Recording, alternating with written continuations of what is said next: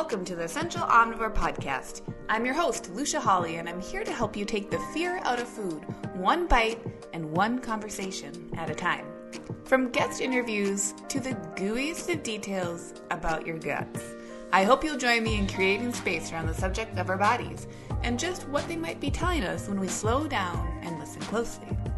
Remember that the information provided within this podcast is for general information and educational purposes only and does not provide medical advice, professional diagnosis, opinion, treatment, or services to you or any other individual. All right, welcome to another episode, of Essential Omnivore Podcast. I'm Lucia Hawley, as you hopefully know by now. If you don't, hey. If you're new here, hey, hello. How's it going? We're on episode 46. We're almost coming up on 52 episodes, which is a year of episodes. That came around quickly. I'm, I'm excited. We'll, we'll celebrate in some way, shape, or form for episode 52. But until then, let's celebrate something else. Today's episode, we're talking about the vagus nerve and how it correlates and responds to the subject of weight loss and or weight gain and or how your body composes itself.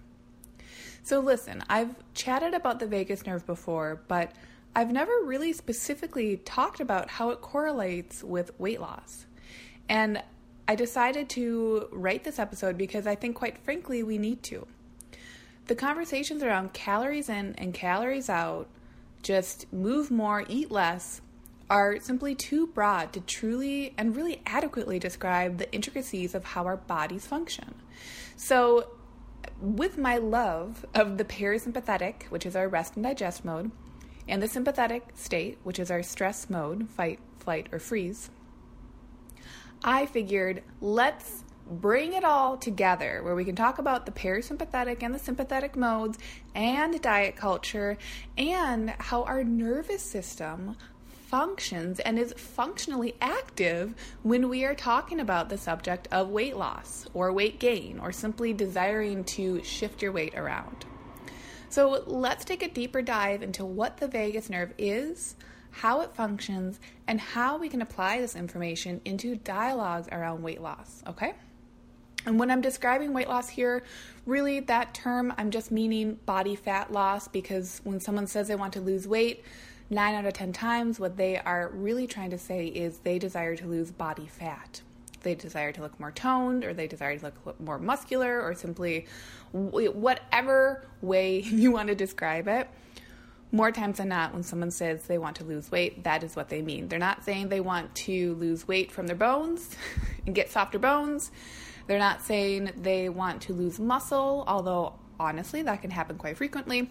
You get what I mean, okay? So, but just that little little uh, one off there.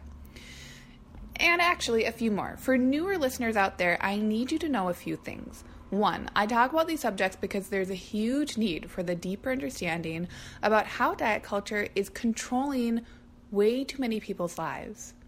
I discuss weight loss, weight gain, inflammation, body image, and more because I have witnessed and I have felt the sting of being obsessed with yourself and how your body presents. And I've seen this in too many people, myself included. I've felt it in generations of my family.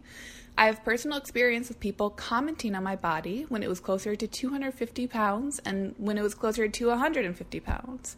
I have felt it in close friendships with people who are female identified, people who are male identified, and people who identify as neither. This subject is so important to me, and from my personal experience, the only way the sting has ever dulled is when I have learned, when I've chosen to learn, and when I keep coming back to learning. Learn and then learn some more. So here's what I can teach to you today. May it help you feel ever more connected and rooted in yourself. Why is that important? Because, oh my gosh, we need you.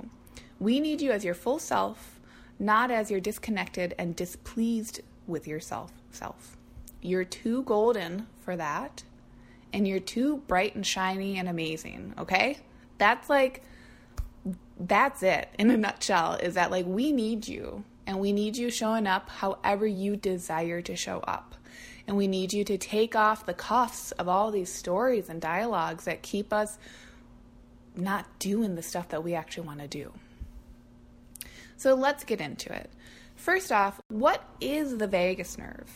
The vagus nerve is the longest nerve in the autonomic nervous system. It starts all the way up in our cranium, in our brains, and moves through our neck and down into our core slash trunk area, okay? And let me tell you what the autonomic nervous system is too. So, that nervous system is really the control system that acts pretty much unconsciously uh, and it regulates bodily functions like our heart rate, our digestion, our respiratory rate, um, when our eyes dilate, so pupillary responses, when we're peeing, sexual arousal. This also system is this system is also the primary mechanism that's in control of our fight or flight response, okay? So, autonomic nervous system, really, you can almost think of it as like automatic nervous system. So, you're not choosing to have a higher heart rate or a lower heart rate. You're not choosing to make your pupils really big or really small. These are actions that are happening in a way that feels automatic, right? They're they're happening subconsciously. So our vagus nerve is this long nerve that starts up in our brain and down moves all the way through our necks into our cores and trunks like I said. So our vagus nerve really what it's doing as it's moving through our body is that it's supplying motor parasympathetic fibers to all of our organs except some except the two adrenal glands. And it's doing that from the neck down to the second segment of the transverse colon. This is some of its primary functioning. The vagus nerve also controls a few skeletal muscles, but the important thing is that it's really connecting if there's one thing you remember, remember that it the vagus nerve is in charge of connecting our brains to a lot of our organs. okay? Think of it that way. So, our vagus nerve can become more activated or less activated depending on what's happening in our environments and how we respond to triggers in our environments. So, think of the vagus nerve as like a superhighway between your brain and your body, your mind and your body. It's one of those big connectors. And what's happening so often in our modern culture is that, as I've mentioned before in this episode and in episodes past, I know you OG listeners know about the parasympathetic and sympathetic states. You know it. I drill it into your heads in any any chance I get. The parasympathetic and sympathetic modes are these two modes that we float around our days in. We evolved to be in our parasympathetic rest and digest mode most of the day. And then our bodies had the option to shift into sympathetic mode when they needed to respond to a stressful stimulus. In a fight, running away from an animal, uh, freezing in order to keep yourself safe from some big event that was occurring. There are lots of reasons why we would need to respond differently and have more blood go into our arms so we could run faster and into our brain so we could have tunnel vision and focus on the stressor that was in front of us. There are lots of reasons why the sympathetic stress mode is adaptive. So, both of the modes, the parasympathetic and the sympathetic, are highly adaptive and appropriate for us. And the problem and the place where things start to crumble is that so often in our modern world, our current lifestyle, we are actually living in the sympathetic mode most of the time. We're living in this because of all the chronic stressors that we are exposed to, whether by choice or otherwise all the chronic stressors that we're exposed to on the daily, we actually train our bodies to feel more comfortable being in our low grade stress world than they feel in our relaxed world of the parasympathetic state. So, our vagus nerve is more stimulated, it's more activated when we are in the parasympathetic state. When you're in that parasympathetic state, you feel or you experience joy, you experience happiness, you feel relaxed. It's the state, what the example I always like to give is imagine that you were on like a super fun and relaxing vacation with like your best buds, friends, family, or otherwise. You weren't worrying about getting back to work. You weren't worried about the financial investment of the vacation. All that you were thinking about was the fact that you were on this vacation. Let's say you're at a dinner on the vacation. It's like the last night, the most beautiful night. You're somewhere warm with a slight breeze. You're at this dinner where all the food has been made and it's exactly what you had hoped for. There's great conversation. Everyone else is relaxed and happy.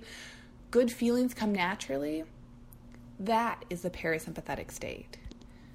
That is the state of relaxation. That's rest and digest mode.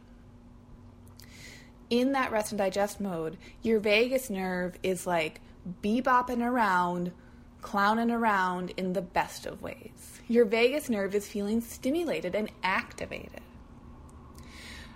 Vagus nerve is less activated in our sympathetic stress mode. So once you come back from that groovy vacation, all of a sudden you're stressed out at the job that maybe you don't love or you don't know how you feel about it. Maybe you're stressed out by that morning commute. Maybe you hit the snooze button a lot of times because you didn't sleep well the night before and now you're rushed in the morning and your day is starting off in a rushed, stressful situation. These are all forms of the sympathetic mode, of that chronic stress mode. And the chronic stress mode doesn't stimulate our vagus nerve in the way that the parasympathetic mode does. So I know I haven't even touched on weight loss yet, but I want to make that really clear. That one of the biggest reasons why some people feel like they work so goddamn hard to lose weight.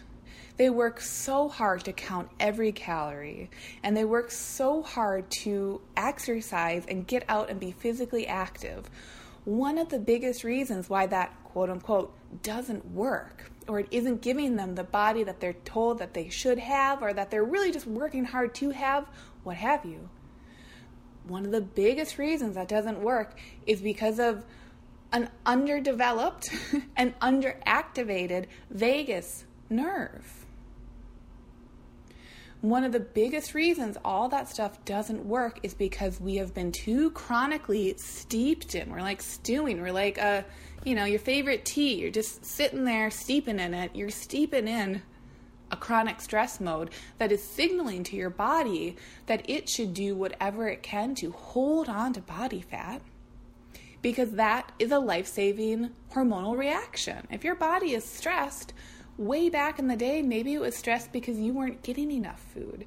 Maybe you were literally running around, you weren't able to conserve your energy, and you weren't sure where your next calories were coming from because there was no food to be accessed. I'm talking way back in the day, okay? Well, to your body, physiologically, that's what a low calorie, high cardio lifestyle, chronic diet is giving and signaling to your body, is signaling that there's starvation that could be coming up. So why not hold on to the body fat that it does have? I hope that makes sense. And that's just one example, okay? So low vagal nerve activation can go against so many people's desired outcomes when it comes to their body shape. That body shape is often informed by the messaging from diet culture. So now we have the double bind of being maybe really type A, working super fucking hard, day in, day out, being good, being so, so good on whatever regimen or structure or framework or diet you're on. You are being so good. The messaging is saying just be good like you are and it'll work, and something is not working. So obviously your body must be broken, right? Your body must be bad because you mentally have been good. I'm here to say maybe it's not your body. Maybe it's also not your brain. Maybe there is a disconnect between the activation or the activator that connects your mind and your body. And that disconnect is not indicative of a level of brokenness that disconnect is indicative of a culture that is not allowing our bodies to fully be in themselves. And when our bodies can't fully be in themselves, that connection to the mind is also going to have a bit of a breakdown.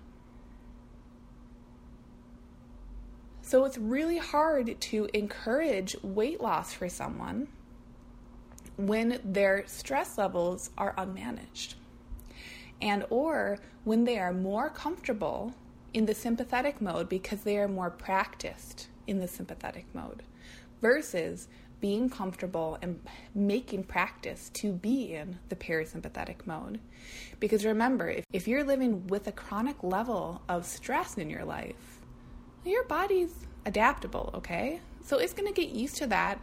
And it's actually going to decide at some point for a lot of people, it's going to decide, well, this is my new normal.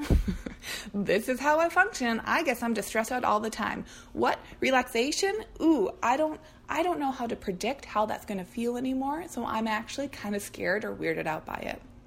It might sound so funny when I say that, but I have seen boatloads, if not the majority, of so many people who are scared to relax. They are scared, and it feels like a physical aversion to relaxation because they might lose control, because they're scared of what they might feel when they're relaxed, because then they are scared that they won't be productive if they're being relaxed, they're scared of being lazy. There are lots of reasons that also tie into a dieting culture. There are a lot of reasons behind why we like to be in the go, go, go mode. And there's a time and a place for that go, go, go mode. There really is.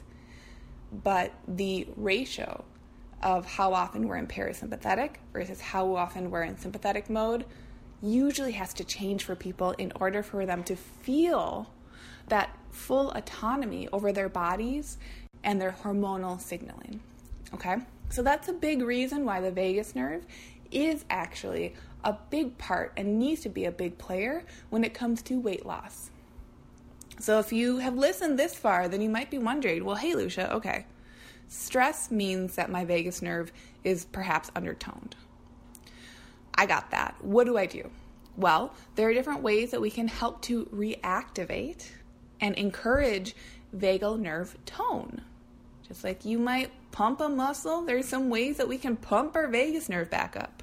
There are a handful of different maneuvers that you can encourage yourself to do that will signal to the vagus nerve hey, pay attention. Hey, hey, you might want to look closely about what's happening.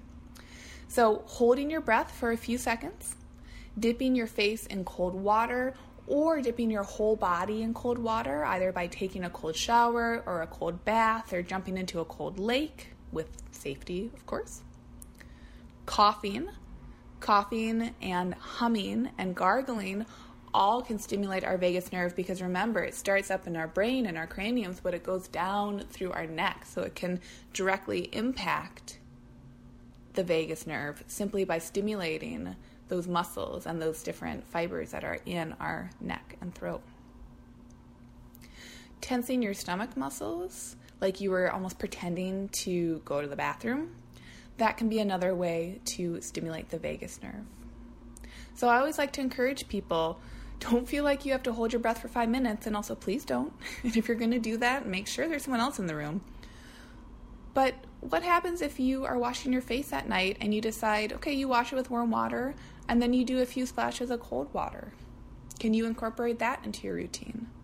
What if you are taking your shower, whether that's every day or every couple of days, whatever you do, you do you when you're taking that shower, can it be in mostly warm water? And then at the end, can you try doing a dip quickly in cold water?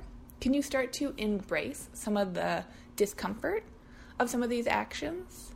Because what they're all doing is they're really signaling to our vagus nerve to wake up and look.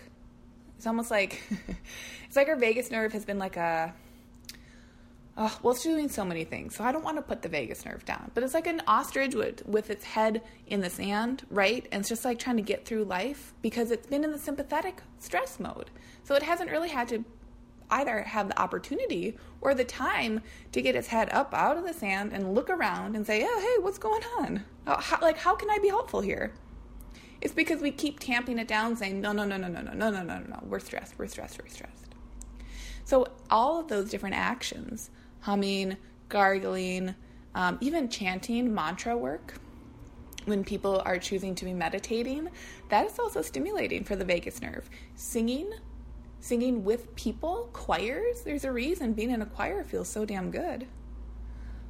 Dipping your face in the water, the coughing, tensing the stomach muscles, or holding your breath. I actually think this is a huge reason, well, and it's studied, it's a huge reason why that Wim Hof, the Iceman, why he's so popular, and he's coming back into popularity after he got so popular about five, six years ago people are feeling massive health shifts and benefits because they're encouraging their bodies through a small stress stimulus that we don't encounter very often in our modern world with any of those actions. We're encouraging a release from the sympathetic state into the parasympathetic state, which is the state that our bodies naturally desire to be in. But they can get confused because of our modern world that's so often asked of them to be in and stay in the sympathetic stress mode.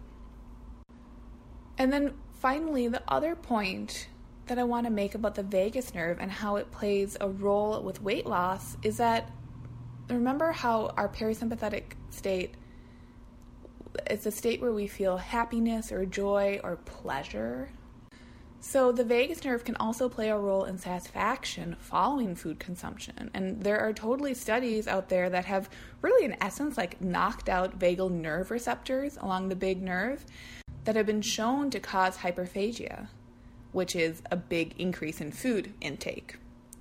So, let me say that another way.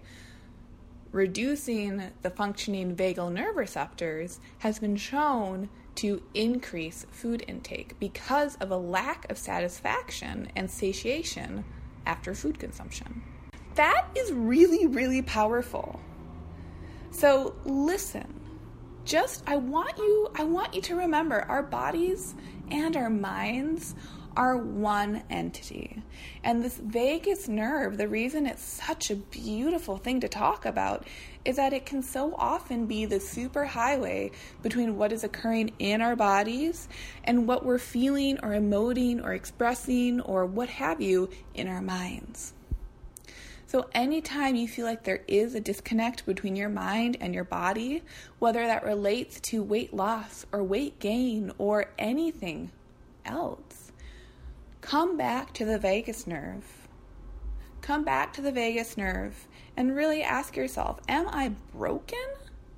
Or have I been in this environment that is asking one thing of me, and maybe my body is trying desperately to tell me that it desires to function in a different way? Because a lot of that healing that I have seen, I've experienced, I've seen in others, I've heard from others, I've seen studied at this point, which is so damn cool a lot of that healing doesn't come from this woo woo idea of just, you know, feeling like more yourself and feeling good. It comes from dedicated practices and dedicated ways of showing up in your life that bring power back to you. And they bring power back to you by helping you feel more attuned to yourself. And the vagus nerve can play a large role in that. So when it comes to weight loss and dieting and figuring out am I doing this for myself, for someone else, for a culture at large? How do I define how the hell I want to feel? Taking it one step further to then show your body, hey, not only am I thinking about this stuff, but now I'm actually asking you, dear body, to join with me as the dear mind, to join forces together in order to move towards a goal or maybe move and step away from a goal towards a de- different, newer goal. That is all so incredible. So I hope this episode today was helpful. This is the stuff that makes a difference. If you are out there and you are spinning away on the bike, trying to lose the body fat, trying to lose the weight, trying to hit a certain pant size, trying to get into the skinny jeans, and you're feeling exhausted and tired and frustrated with yourself and just feeling like you are broken, I want you to know that there might be a story that's been told to you. In fact, there are probably a few stories told to you. You don't have to listen to them if you don't want. You can also fully feel completely able to listen to them if you desire. But just know if you want to change the book or the chapter or the paragraph or read a different sentence, you have every ability and capability to do that. And the vagus nerve might be your friend while you're seeking that out. So that's the episode for today. Thank you so much for joining. And as always, let me know. Let me know how this resonates with you. Shoot me an email, go to my website, hit me up on Instagram at Essential Omnivore. I'm always on there and I always I really want to chat and I want to know how are you adding these different ideas into your life? What is helping you feel like more of yourself? Because to me that's the end goal is that you feel more like yourself. I think that's pretty damn cool. Hey, thanks so much for joining along on today's episode. For full archives of past episodes, hop on over to essentialomnivore.com or subscribe to the Essential Omnivore podcast on Apple Podcasts or Stitcher.